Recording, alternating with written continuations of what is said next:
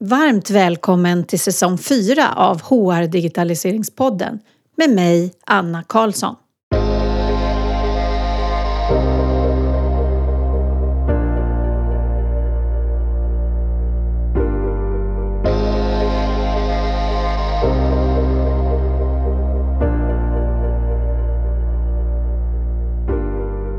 Jag vet att jag använder podden till att lyfta frågeställningar som jag tycker att ni ska fokusera på. Och idag är det verkligen ett sådant avsnitt. Vi pratar om ett område som många kanske inte tänker på och speciellt kanske inte om man inte har ett HR-system på plats ännu. Det är frågan om hur tar vi hand om HR-systemet efter att det gått live? Många tror att ett HR-system i molnet är ett självspelande piano, men det är det inte. Det är upp till organisationen att se till att det fortsätter att utvecklas och förändras i samklang med verksamheten. Annika Lindholm, som är HR Tech-specialist på Länsförsäkringar, där man för övrigt inte kallar det ett HR-system utan ett medarbetarsystem. Hon brinner för förvaltningsfrågan och delar i dagens avsnitt med sig om hur Länsförsäkringar jobbar med förvaltning och vad du bör tänka på.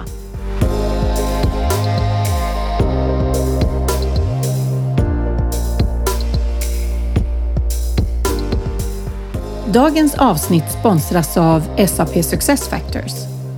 SAP Success Factors stärker kopplingen mellan HR och affärsverksamheten för att hjälpa organisationer att skapa en hållbar arbetsstyrka och en lönsam verksamhet. SAP Success Factors Human Experience Management Suite, det man förkortat kallar HXM-sviten, hjälper både anställda och företag att bli sitt bästa genom att spänna över masterdata, lön, talanghantering, HR-analys, arbetskraftsplanering och individanpassade medarbetarupplevelser. Vill du veta mer? Besök www.sap.com successfactors.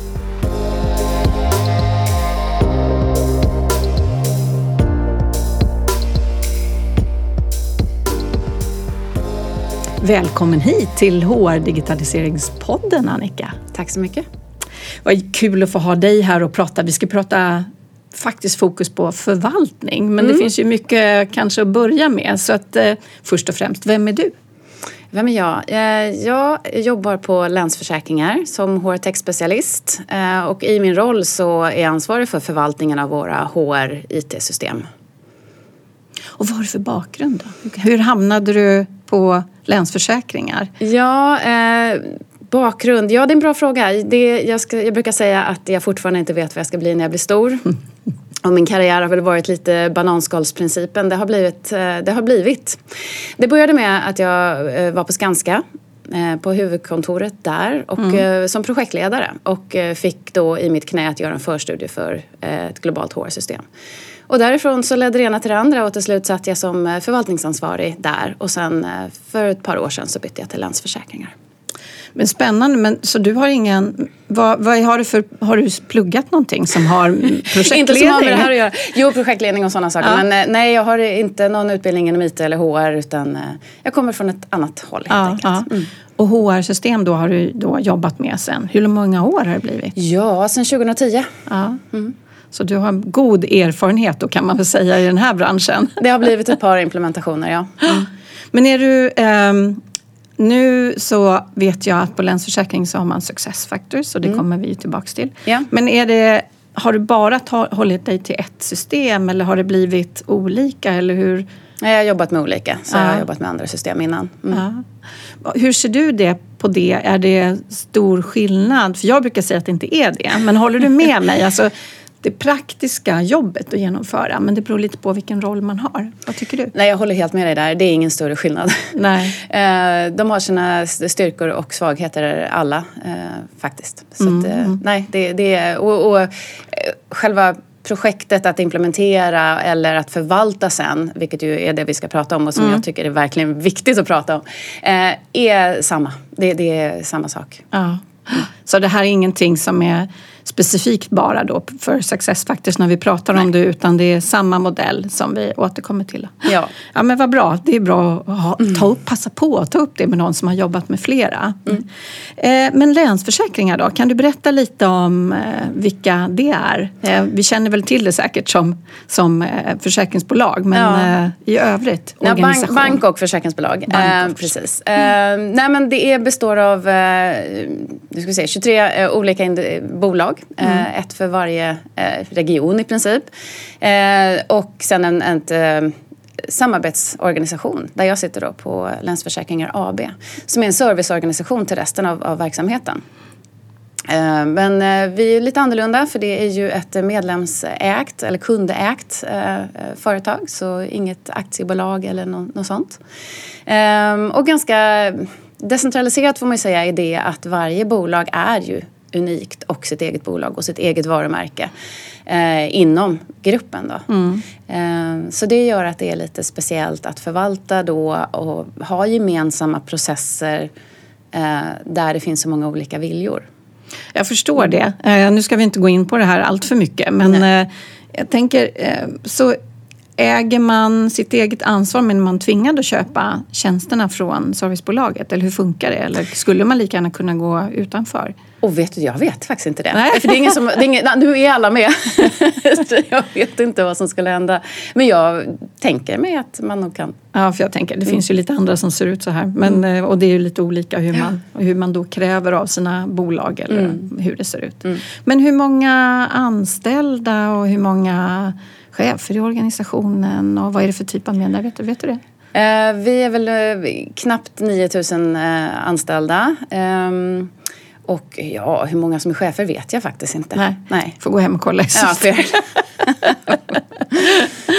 eh, och det, Men alla eh, jobbar på kontor? Så är alla är tjänstemän. Väldigt, tjänstemän. Ja. Mm, mm, mm. mm. mm. Ja, men då kan vi börja. Ska vi ta lite grann om liksom bakgrund och eh, hur, hur, hur man kom till där man är idag? Vi ska inte lägga allt för mycket på det förstås, men eh, lite grann historien. Mm.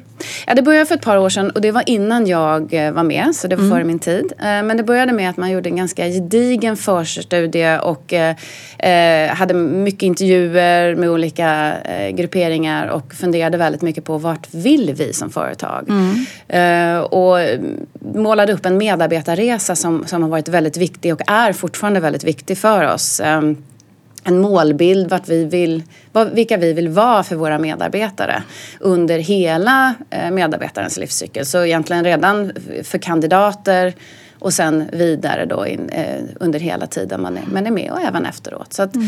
det, det, det, har varit eh, vår vägledning hela tiden. Det här. Vilken upplevelse vill vi att medarbetaren ska ha i olika stadier?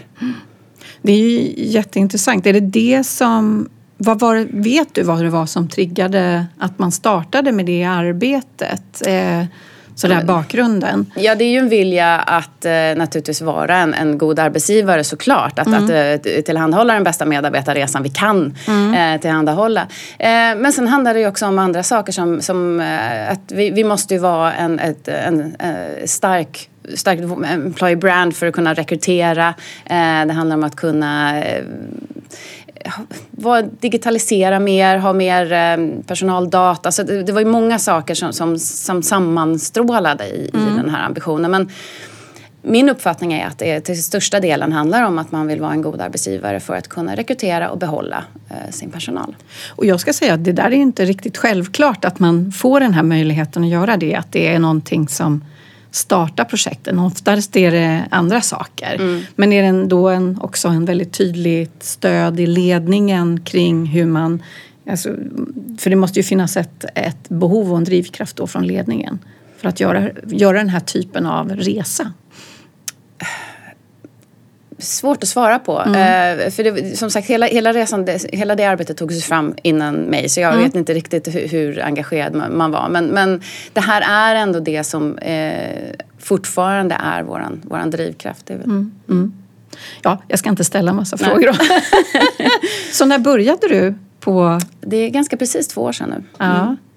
Mm. Eh, två år sedan. Och vad är vi nu? 2022, mm. så 2020. Mm. Och projektet startade ungefär då också? Ett par månader före. Ja, ja. Så jag eh, kom in, då var det full fräs på, på projektet. Och, eh, så jag sladdade in och tog över som projektledare. Eh, så det var full fart från, från första stund verkligen. Mm. För jag tänker på ett projekt som jag har varit delaktig i, att det är just det här att då kommer man på, jäklar vi måste ha någon som kan ta hand om det här och ta mm. över i förvaltningen framöver och faktiskt äga det här från början. Precis, eh, så är det tyvärr på många ställen. Här var man nog medveten om det eh, och hade fått goda råd att eh, det är bra att ni tar in någon tidigt som kan driva det här. Mm, ja, och då kom du in och mm. tog över. Mm.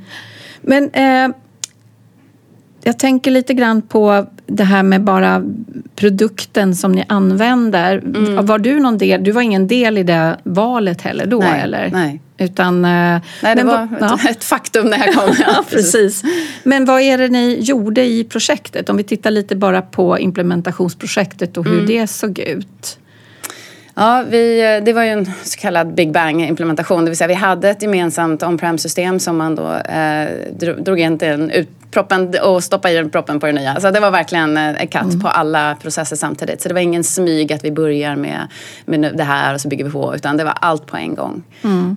Um, och um, Projektplanen, tidsplanen var väldigt, vi, vi kallar den sportig. Eh, det vill säga den var väldigt tajt. Eh, och vi, hade, vi jobbade hela tiden mot klockan. Men eh, ja, vi gick live på, eh, i stort sett på utsatt tid. Jag tror vi ganska tidigt la på några veckor där. Eh, vi insåg att det var inget bra datum vi hade satt. Men, men eh, i princip så höll vi tidplanen på exakt. Så att, ja, det gick, det gick vägen. Men mm. sen är man ju aldrig klar när man går live med en, den här typen av molnsystem. Det är bra att du lyfter det, för det är ju precis det som vi ska fokusera på. Precis. Men hur många, om man tänker då lite på projektet, för det är ändå det som går, går in i förvaltningen.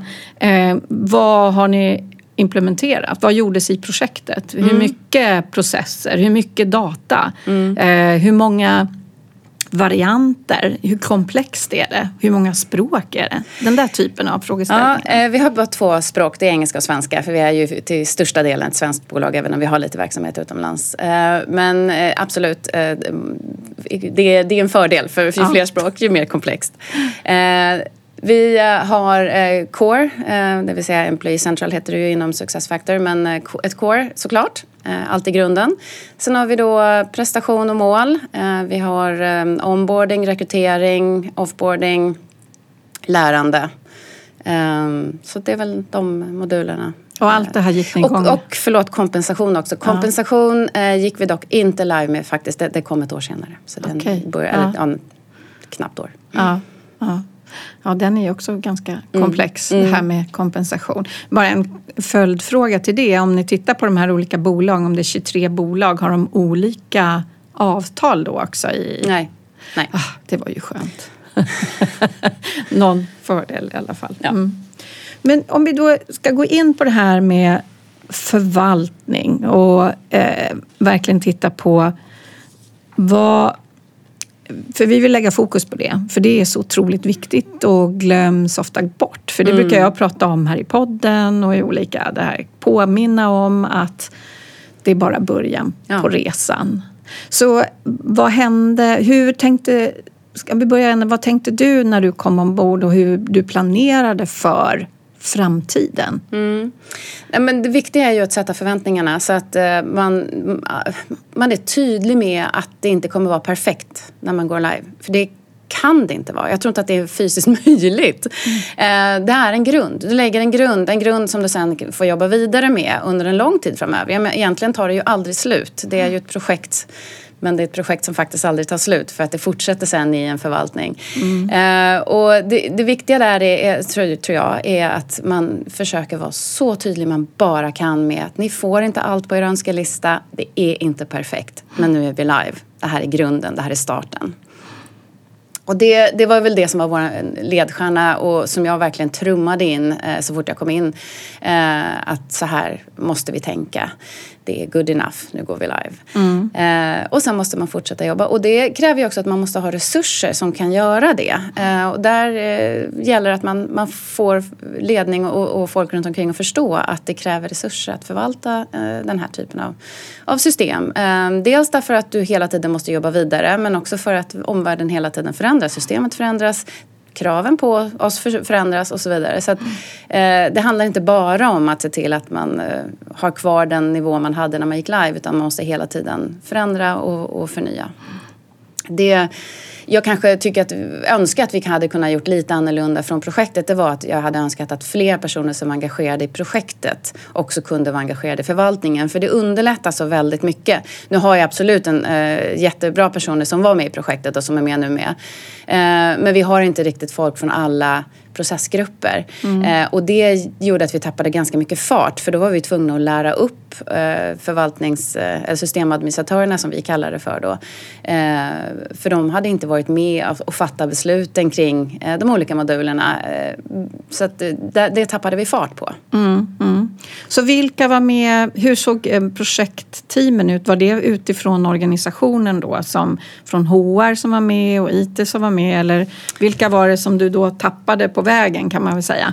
Ja, men fr framförallt HR då, eh, mm. eh, som drev det här och eh, självklart eh, god hjälp av implementationskonsulter. Men från eh, Länsförsäkringar då så, så, gick man ut och sa vilka vill vara engagerade? Eh, så vi hade en, eh, en, handfull personer för varje process som vi eh, sa, det här är en processgrupp, ledda av en person som då tog lite huvudansvar.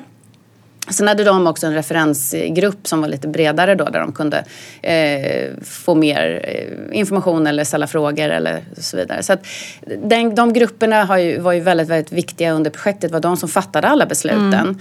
Mm. Eh, och även om vi försökte dela det så kunde man inte riktigt ta till sig vad som hände i de andra processerna. Vilket också ledde till en annan sak som jag tror vi hade kunnat gjort bättre även om vi verkligen, verkligen försökte. Och det är att det blir lätt silos. Mm. Eh, och eh, det, det, märkte vi också väldigt tydligt sen att där hade vi faktiskt gjort lite missar. Att vi inte riktigt hade koll. Och det blir så om man sätter upp språk eh, så att man, man kommunicerar på ett visst sätt med, med sina medarbetare eller med en kandidat och sen så är det en annan grupp som har tagit vid så, så, har, så var det inte riktigt alltid en röd tråd upptäckte vi. Så det, det var också en sån här som Mm, vi, vi försökte tänka på det men mm. tidspress och, så, och allt gjorde att vi, vi, vi nådde inte riktigt hela vägen så där fick vi sitta lite i efterhand. Och, så om och, du hade fått ett, ett, tänka drömscenario för att kunna få bästa lösning på plats och bästa förvaltning efteråt. Vad hade du, hade du gjort projektet lite annorlunda då?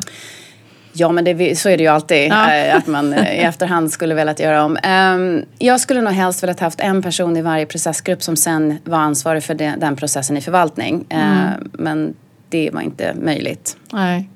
Och då menar du ansvarig för processen, inte att vara specialist på systemet? Jo, jag menar egentligen, ja. egentligen både och kanske. Nej, jag menade nog specialist på systemet i det här ja. fallet. Um, faktiskt. Mm. Um, för det det är mycket att sätta sig in i även om man har jättebra förvaltningshjälp och det behöver man. Jag tror ju personligen att det är väldigt svårt att, att förvalta ett sånt här komplext system om du mm. inte har en eh, först implementationspartner och sen en förvaltningspartner som, som är extern. Eh, eftersom du behöver folk som är certifierade i systemen. Men, mm. men jag menar hos oss så, så tappade vi fart. Eh, inte så mycket på processen kanske utan mer då att, att vi, det, det tog tid att lära upp oss mm. själva då i systemförvaltningsgruppen. Mm. Eh, och förstå hur besluten hade fattats. Mm. Mm. För de som lyssnar så tänker jag att vi kanske ska bara prata om lite grann hur sådana här system fungerar mm. egentligen. Vilka delar som finns och vad är skillnaden Eh, om man till exempel har ett on-premise lönesystem idag och förstår vad skillnaden är att gå över till ett eh, SAS-system som det här är, mm. som är i molnet. Mm. Kan, kan, kan du förklara det? Uh, oj, jag kan göra ett försök. Uh, så det blir min tolkning av det. Uh, den stora skillnaden på ett on-prem-system är ju att du dels så sätter du ju agendan lite själv. Det, det, är, det är företaget själv, oftast IT-avdelningen, som eh, bestämmer när det ska göras uppdateringar. Och när man gör någonting så är det oftast ett projekt. Man kanske måste samla väldigt mycket kraft både från HR och IT då, i det här fallet för att eh, göra en förändring. Och det, det, krävs ganska mycket. Men sen har du det, då har du eh, precis customiserat efter vad, dina behov. Eh, men i en SAS eller molntjänst så är det ju eh, leverantören som håller i taktpinnen när det gäller utvecklingen av systemet. Så skiftet går ju väldigt mycket från att det har varit IT som kanske sitter i förarsätet när det gäller systemförvaltningen till att det mer blir affären, i det här fallet HR, som måste hålla i taktpinnen. Även om IT fortfarande är viktiga så får de en helt annan roll. Det är inte de som bestämmer om, om när eh, uppgraderingar ska ske eller patcher och så vidare utan det är leverantören. Men det är också HR som måste bestämma vad av det som leverantören tillhandahåller som vi faktiskt anammar. Mm. Så det blir eh, på, på, ett helt annat sätt HR som måste hålla kontakt med leverantören där det tidigare ofta var på IT-bordet att, att hålla den, den kontakten med leverantören och man höll väldigt mycket i, i äh, ja, men, äh, tidplaner och hur och när och var. Eh, men men det, det skiftet är ganska eh, markant. Sen kan det fortfarande vara så att det är en IT-avdelning som, som sköter det här. Det måste inte vara affären men det måste ändå drivas från HR. Eh, mm. Eh, jag vet att vissa företag eh, organiserar sig så att den här funktionen ligger under IT. I mitt fall så, så är det HR och jag tycker att det kanske är det naturliga men, men jag vet att det görs på båda sätten. Mm. Men man måste förstå att det är ett skifte i tänket om vem som driver förvaltningen. Om det är IT-specialister eller om det då är HR-specialister. här drar det mer åt HR-hållet. Mm. Och när man tänker då jämförelsen mellan ett eh, som är liksom installerat på plats, mm. ett on-premise-system som vi kallar dem, så är det ju att där både att man själv bestämmer och utvecklar mm. systemet själv. Men då, det som man tappar där är ju då att om, när omvärlden utvecklas Exakt. snabbt, som den gör väldigt nu, mm. Då får du ju inte det utan du måste ju själv på något sätt antingen köpa det från leverantören, köpa till saker eller att du själv måste utveckla det och sen underhålla det mm. Eh, och se till att det fungerar. Så det finns ju då en fördel i, i en sån här snabb förändringsresa som pågår med att, att man vill göra nya saker, att man får med sig det in. Men man, man har väl också ett val som mottagare att man kan välja när man slår på funktioner och det kan ju likadant gärna självdö som system om man inte tar emot de mm, här mm. olika uppgraderingarna. Nej men exakt, precis så. Mm. Eh, och med en, en SAS-tjänst eller det som molntjänst, jag, jag säger lite både och. Ja. Eh, det heter ju, tekniskt är det ju SAS men ja. vi eh, brukar ju säga moln. Ja. Eh, eh, nej men i en molntjänst så eh, Absolut, du kan bestämma själv vad du anammar och vad du tar till dig. Men ibland så bestämmer också leverantören att det här måste alla ta. Nu har ni till det här datumet på er att ta till er den här nya funktionen. Det kan vara ett nytt utseende, ett nytt UI, det kan vara en ny funktionalitet. Det kan också vara någonting IT-tekniskt som du måste ha eh, någon ny förutsättning för. Och där mm. är det jätteviktigt att man då har med IT på banan så att det inte är allt för långa beslutsprocesser in, inom IT innan man kan få till en ny, eh, vad det nu kan vara, en port som ska öppnas eller vad, vad det nu är. Det, mm. det, är mm. olika saker. Men ibland kommer det nya tekniska förutsättningar som du inte kan blunda för utan som du måste ha för att kunna använda systemet helt mm. enkelt. Mm. Eh, så att eh, det, det, är de förutsättningar man har. Men väldigt mycket av, av funktionaliteten väljer du och vrakar. Det, jag brukar säga lite att det kan vara som en, en legolåda. Du, du får en ritning eh, men du kan också frångå den. Men när du gör det, om du gör liksom allt för mycket avsteg från, från eh, den väg som, som leverantören har tänkt sig så blir det också svårare att förvalta sen. Mm, så det mm. får man ju ha i, i bakhuvudet. Men du kan göra ganska mycket även med en molntjänst mm. eh, som, som skiljer sig. Så varje implementation är ju olik. Ja, för det gäller ju också att förstå att man gör ju sin egen version mm. fast grunden är gemensam. Det här Exakt. kan nog vara lite svårt att Det är greppa. svårt att förstå. Har vi mm. något Kan man jämföra med något? Alltså, jag har inte hittat något bra. Nej, jag försöker väl ibland med min legolåda då säga att visst, eh, du, du, kan, du kan välja mm. de gröna legobitarna även om det står de röda. Men, men så småningom så, så, så, det, så, så har du grävt en grop mm. till dig själv där, där det handlar om att nu finns det inte längre den färgen du kanske hade velat ha. Eller, och då blir det plötsligt röda pluppar bland de gröna. Alltså det, det, det är lite så här att du, du kan till en viss gräns absolut eh, göra din egen version. Mm. Men gör man för mycket avsteg mm. så, så blir det också, då börjar det svaja lite bygget. Det, mm. det, och, och, man gör mer och mer risker. Visst, du kan sätta en balkong där men plötsligt så kom det torn och då kommer balkongen vara i vägen. Alltså, ja. Det är mm. lite så jag försöker tänka. Att se, se det som ett, ett bygge där du sitter med dina legobitar. Och visst kan du bygga ihop dem annorlunda än ritningen men tänk dig för lite grann. Men mm. vi gör det, alla gör det. Mm. Och det det är också därför det kan vara svårt att säga, men kan vi inte bara ta in någon utomstående expert som tittar på eh, om vi kan göra det här bättre? Det kan man alltid göra, men det är inte så lätt för någon att bara ta en titt och säga, utan det är väldigt mycket att sätta sig in i för, en, för, en, för att varje uppsättning är unik.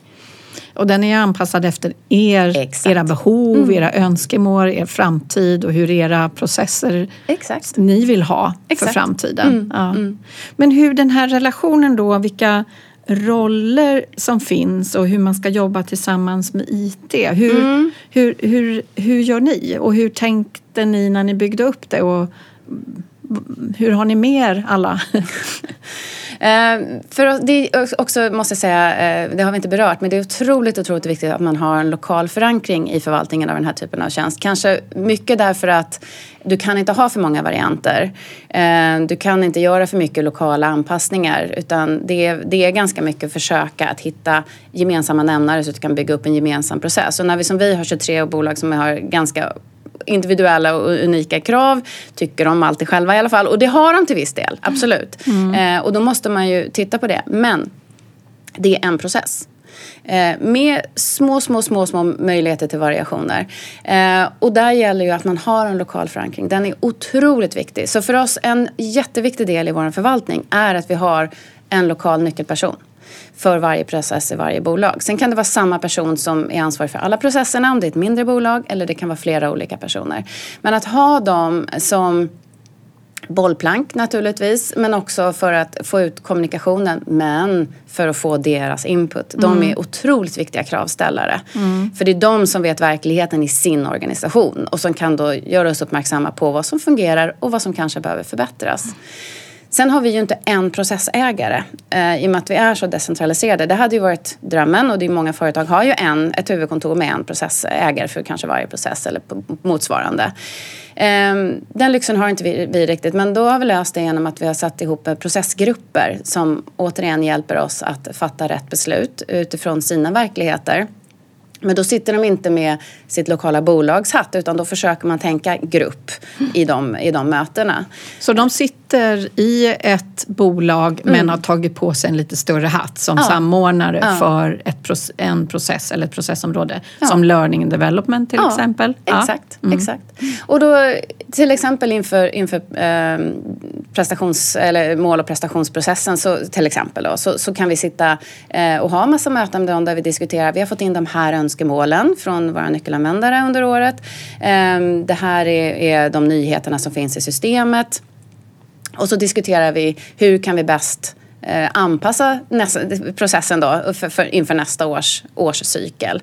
Eh, och då hjälper de oss att fatta rätt beslut förhoppningsvis. Och är det så att vi står, för det gör man ju ibland, att man står inför ett vägval, att nu, nu har man två, två val och det får konsekvenser för alla och vi måste ha samma Eh, samma process, ja, då, då, då gäller det att man försöker hitta en konsensus. Mm. Och hittills har inte jag hamnat i den situationen att vi inte har lyckats nå konsensus. Men gör vi det då får, då får vi ju gå till en, eh, en styrgrupp som hjälper oss att fatta beslut. Mm. Jag hoppas att vi ska slippa det. Eh, för ofta så kan man resonera sig fram till en lösning.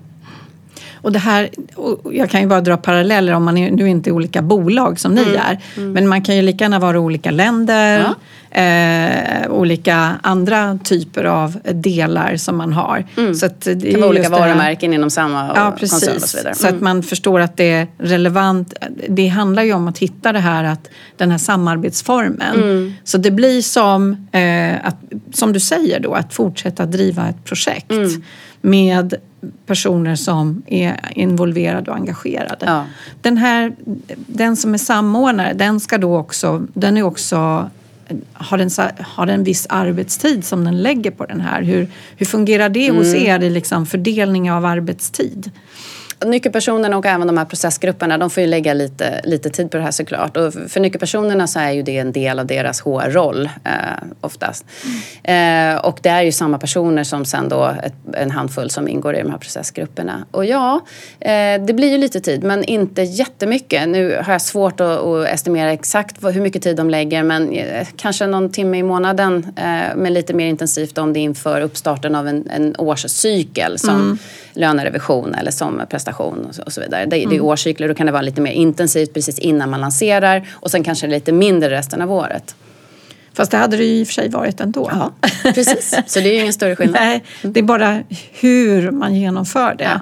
På vilket sätt. Mm. Men en sak jag glömde fråga. Hur stor är HR-organisationen? Hur, hur många personer är ni? Vet du det?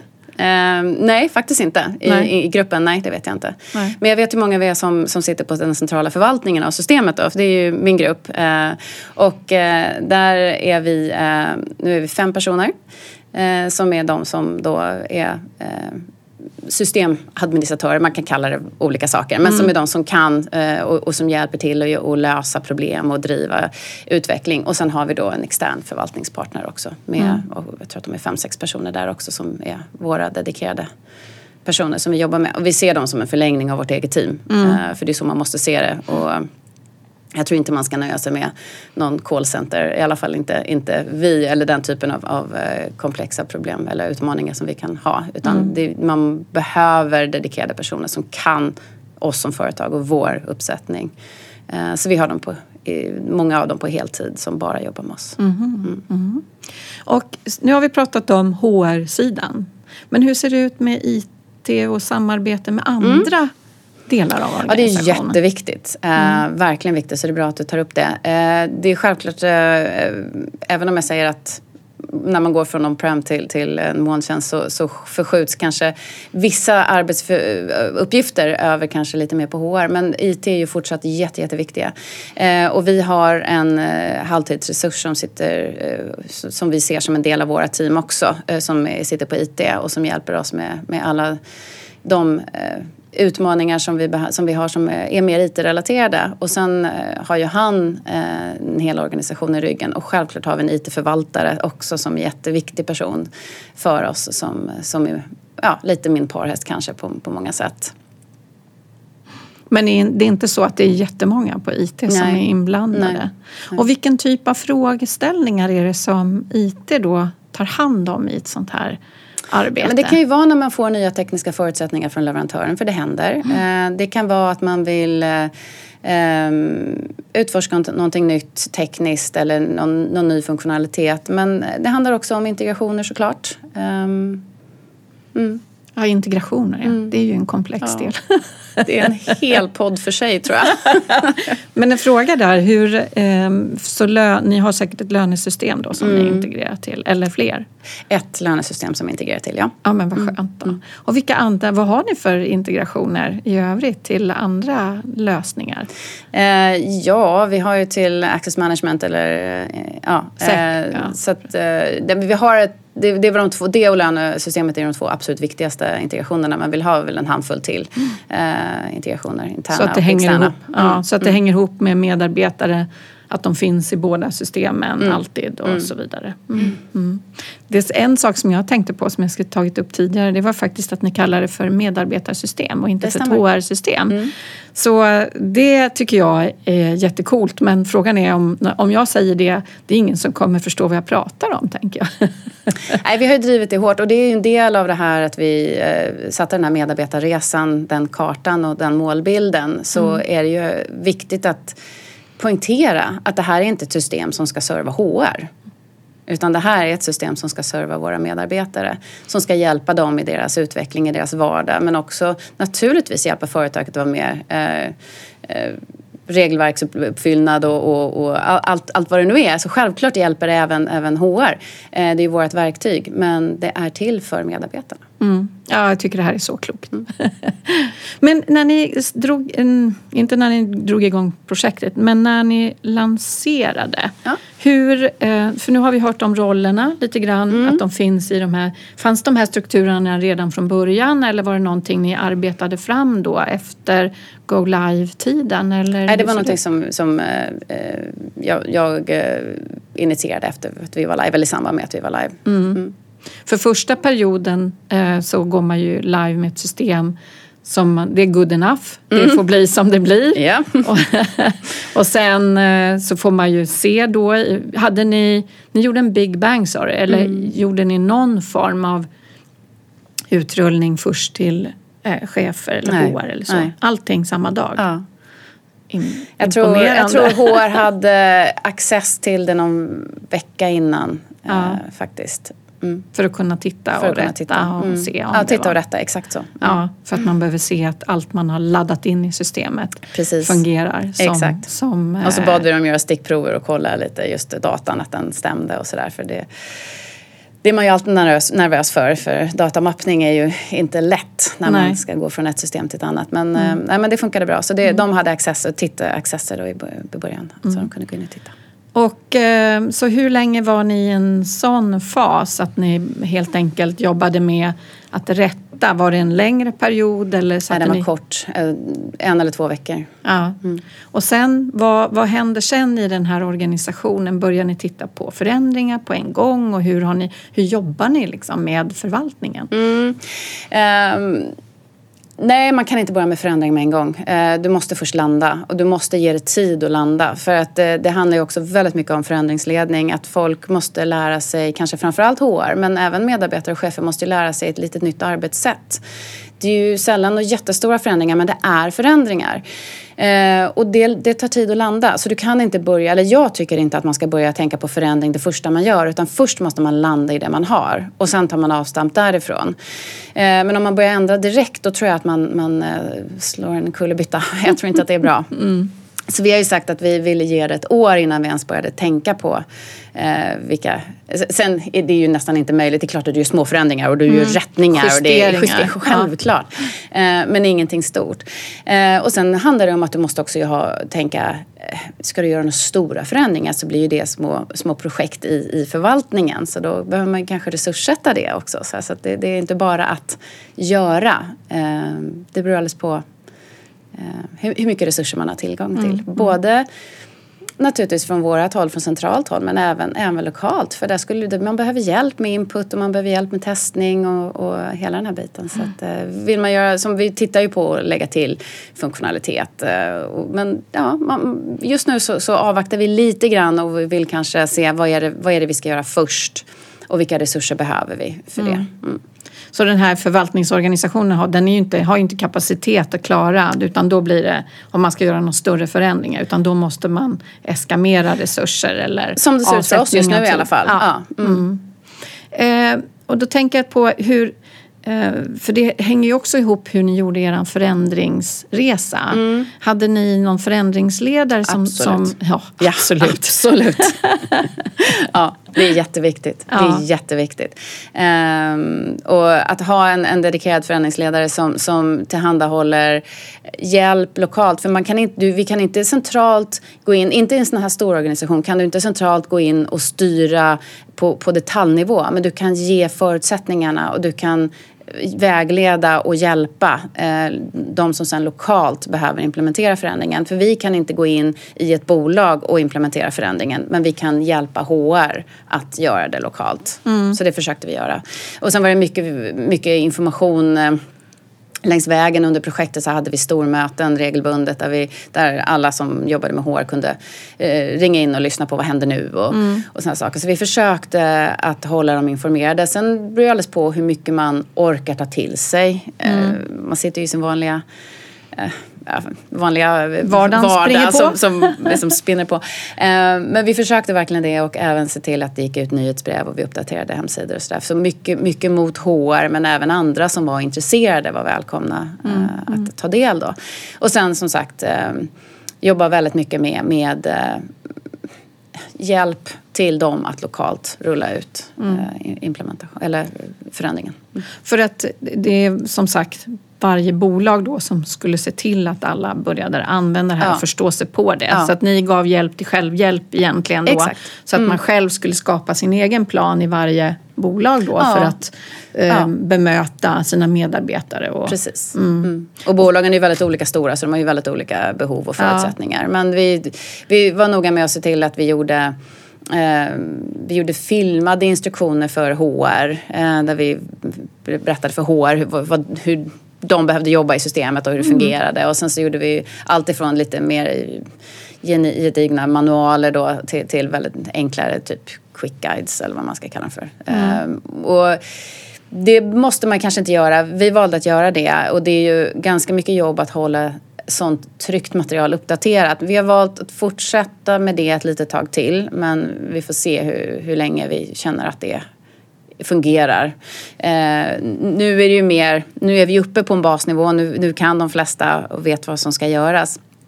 Nu tror jag att det, det, är viktigare kanske att ha små, korta, korta, korta instruktionsfilmer när man startar en, en årsprocess till exempel mm. eller några sådana saker. Men mycket, mycket görs eh, lokalt, vi tillhandahåller en del centralt. Mm. Mm. För jag tänker att eh, när man rullar ut ett sånt här system så vissa saker har ju en påverkan om man hade system för det tidigare. Mm. Så man är van att använda ett system eller inte. Mm. Hade ni det för alla ja, processer? Um, ja. Ja, men inte, kanske inte gemensamma mm. system för, för, riktigt alla processer men, men eh, det fanns systemstöd. Så man var van vid att ha ett systemstöd. Det hjälper ju mm. i hur man då planerar sin ja. eh, utrullning och sin kommunikation. Mm. Men vad har varit Eh, har det varit några specifika saker eh, som ni tänker att ni kunde ha gjort annorlunda i utrullningen? Har, gick det igenom till alla? Med de förutsättningar vi hade så tror jag vi gjorde så gott vi kunde. Mm. Så det, nej, jag, det är inte så att jag känner att jag har någonting som bara kommer och poppar mm. upp direkt att det här skulle vi gjort bättre. Men, men absolut, man kan alltid göra saker bättre. Jag tänker på det här, vi pratar förvaltning och förändring och mm. ta in input. Men det är ju också en annan del, det är att kunna ha support. Ja. Support är ju en annan del mm. av förvaltningen. Hur mm. fungerar det? Mm. Hur har ni satt upp det?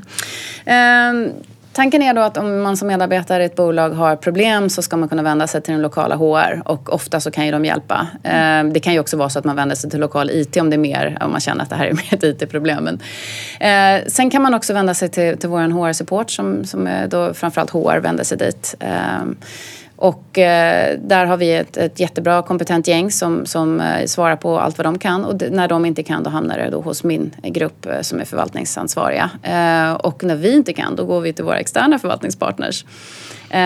Så det är väl lite den vägen det går. Mm. Mm. Men det var en av de delarna som ni byggde upp? Det fungerar på väldigt liknande sätt som det gjorde innan med tidigare ja. system. Ja, ja. Mm. då fanns det redan. Men det är ju någonting ja. man kan säga till de som lyssnar att det är också en del att se över. Hur ja. ska vi ta emot? För att man har sin första fas efter man har gått live, då är det ju, jag menar då sitter ju alla och bara bollar saker kanske mycket mer live för att se att allting funkar. Mm. Men sen måste man ju ha modeller för att kunna ta emot och hur ska det här slussas och vem, vem tar frågeställningarna Precis. som man också har byggt upp. Mm. Den delen, inte mm. bara det så att säga utvecklande delen utan också problemlösningen. Ja men precis. Mm. Mm. Men vad, vad, ser du nu då? Hur, eh, hur ser det ut idag? Är du nöjd med hur det rullar på? Jag är, är nöjd med hur det rullar på. Eh, men det finns otroligt mycket som vi skulle vilja sätta tänderna i. Mm. Eh, man gör alltid en del tankevurper när man implementerar sådana här komplexa system. Särskilt om man gör allting samtidigt. Eller ja, egentligen kanske oavsett. Eh, så det finns naturligtvis alltid saker vi skulle vilja cover upp ärmarna och tänka om på vissa saker. Vi, vi, vi ser nu att det kanske kan göras bättre. Och det finns, det finns alltid en lång, lång lista med saker som man vill göra. Eh, så även om jag tycker att vi, har en, en vi, vi, är på en helt okej plats så finns det alltid saker man vill göra. Och vi uppmanar också alla att komma in med förbättringsförslag. Så man behöver egentligen inte sitta på HR eller vara nyckelperson eller sitta med i en processgrupp utan vem som helst kan komma in med ett förbättringsförslag. Och så försöker vi utvärdera det då. Är det någonting som är bara jätteenkelt och inte har någon större påverkan men kanske kan ändring i språk eller vad det kan vara. Men då försöker vi prioritera det och göra det ganska snabbt så att, för det är ju ganska enkla ändringar. Men om det är någonting som får större påverkan då måste vi göra en liten utredning och så funderar man. Men vi, vi tar ändå in och liksom, även om det är någonting som vi säger det här går inte idag så försöker vi behålla de här idéerna och tankarna och så kan man gå tillbaka och titta på det. Men hur är det nu? För att systemet förändras och verkligheten förändras. Så att, um, saker som vi inte trodde gick uh, visar sig sen kanske att det faktiskt går att göra för att man hittar en ny väg in eller, eller systemet har ändrats. Mm. Så jag tycker det är jätteviktigt att också att det inte blir att nu är det någon annan som, för, som liksom på någon central organisation som förvaltar våra system och de lyssnar aldrig på oss. Det, det får, man får inte komma i en sån situation. Det får inte vara känslan av att det bara hamnar i ett svart hål. Och där, återigen, där, där är ju kommunikation och förändringsledning även, även i förvaltningen jätteviktig. Så att, eh, vi har kanske inte någon med titeln förändringsledning i, i förvaltningen men jag anser att jag har den rollen som förändringsledare. Det, det är en del av min roll. Mm. Eh, för det är en ständig förändring. Mm. Eh, och så kommer de här stora förändringarna från leverantören. Eh, och då, så ja, det, det, är en ständig förändring och eh, där måste man tänka hur hur kommunicerar vi ut det här? Men också hur, hur hanterar vi de önskemål och de förbättringsförslag och kanske det, det skav som ändå finns i organisationen. Att, att man alltid ser till att, att folk känner att de, de blir åtminstone lyssnade på och, och får ett svar och sen ibland går det inte att göra det de vill. Mm. Men det ska i alla fall hanteras på ett bra sätt. Mm. Mm. Vad lägger ni er största arbetstid på? I er tid? Oh. uh, vilken bra fråga. Men det är ju en um, balans mellan att hantera de um, ärenden som kommer in i, då, som är problem uh, och att så att liksom ren support och, och, och, och hitta fel root cause liksom på, typ mm, på fel mm. som, som händer. Eh, och att, att eh, förbättra. Att beta mm. av vår lista med de här sakerna som vi vill ändra och förbättra. Och att eh, tillsammans med då för vår förvaltningspartner hitta smarta lösningar. Eh, och det, det, är ju det som är det riktigt, riktigt roliga. Mm. När man har suttit och, och kliat sig i huvudet ett tag och sagt att det här är inte riktigt bra, det här skaver lite. Och sen så, så hittar man en lösning på det eh, mm. tillsammans med, med förvaltningspartnerna. Då, då, är det roligt. Men det här är ju inte jag personligen som jobbar med. Jag sitter ju lite vid sidan om och ser till att, att eh, det här flyter på. Men, men då, då är det lite eufori sådär. När man ja. känner, nu löste vi det där. Ja. Mm. Ja, men det, det är en balans däremellan. Och vad säger organisationen? Hur tycker man att det här fungerar? Når man upp till de, de idéer kring medarbetarresan mm. och eh, tankar kring vad man skulle få till med sitt medarbetarsystem och förbättra det här med medarbetarupplevelsen och det du nämnde i början? Både och. Mm. Både och. Eh, jag skulle säga att eh, vissa processer och vissa funkar jättebra. Eh, I andra så har man ganska mycket önskemål och väldigt mycket önskemål om, om man vill ha lokala förändringar som, som vi kanske inte riktigt kan hantera ehm, för att vi försöker ha så streamlinad process som möjligt. Och även om det kanske tekniskt är möjligt så är det inte praktiskt möjligt att förvalta eh, för mycket loka, lokala eh, anpassningar. Så jag säga, det är lite olika. Ehm, och det är väl sunt någonstans. Eh, för att om inte de kommer och säger det här skaver då kommer vi ju heller aldrig eh, förändra eller utveckla. Så att, mm. eh, men, men det är inte så att alla sitter och, och älskar ett nytt system. Det, det tror jag inte händer någonsin. Mm. men nej, men jag tycker att vi är på en bra plats. Jag tycker att det är en bra balans. Och om inte eh, det var lite skav så hade vi heller inget att utveckla. Och vem är det som det ska? Är det medarbetarna eller är det cheferna eller är det HR som vill ha? Eh, skulle vilja ha? Ja, men det vi i första hand får in är ju kanske från, från de som sitter på HR-sidan. Mm. Uh, att ja, men det här är lite för omständig att, att, hantera i systemet eller det här vore bättre eller det här vore bra för vårt employer brand eller så vidare. Och det blir ju också lite så att, att eh, om man tidigare satt med flera lokala system där man själv kunde gå in och peta så måste man nu gå till central funktion mm. för att få en förändring. Det är klart att det inte är roligt. Eh, och det, Nej, det, det håller jag med dem om. och där önskar jag ju kanske att vi kunde ge dem möjligheter att, att gå in och ändra på eh, rekrytering eh, på, på karriärsidor själva och sådana saker. Men det, det, har vi inte möjlighet att göra. Mm.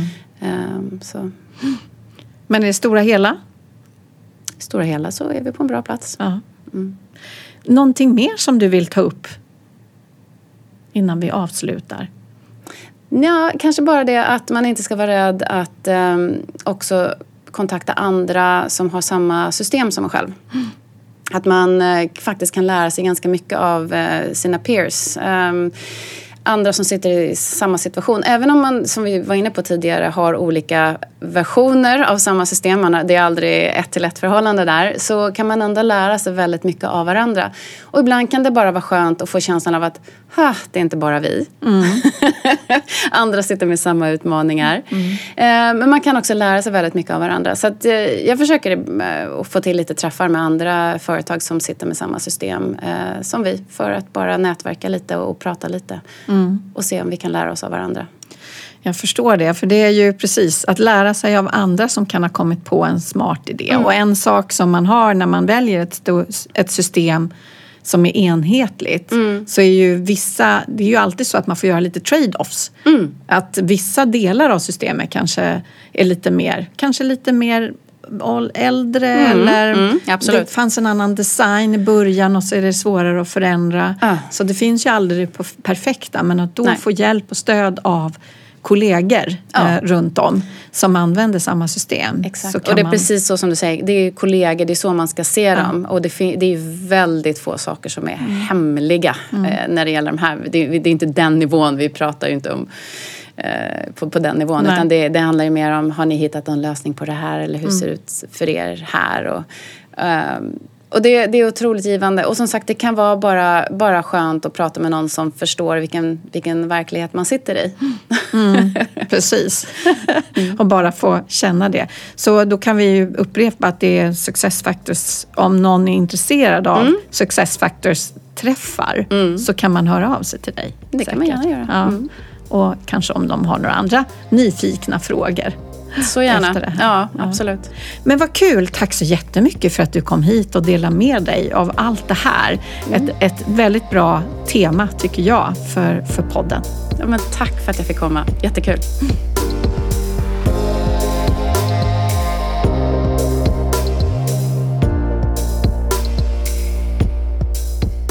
Tack för att just du har lyssnat.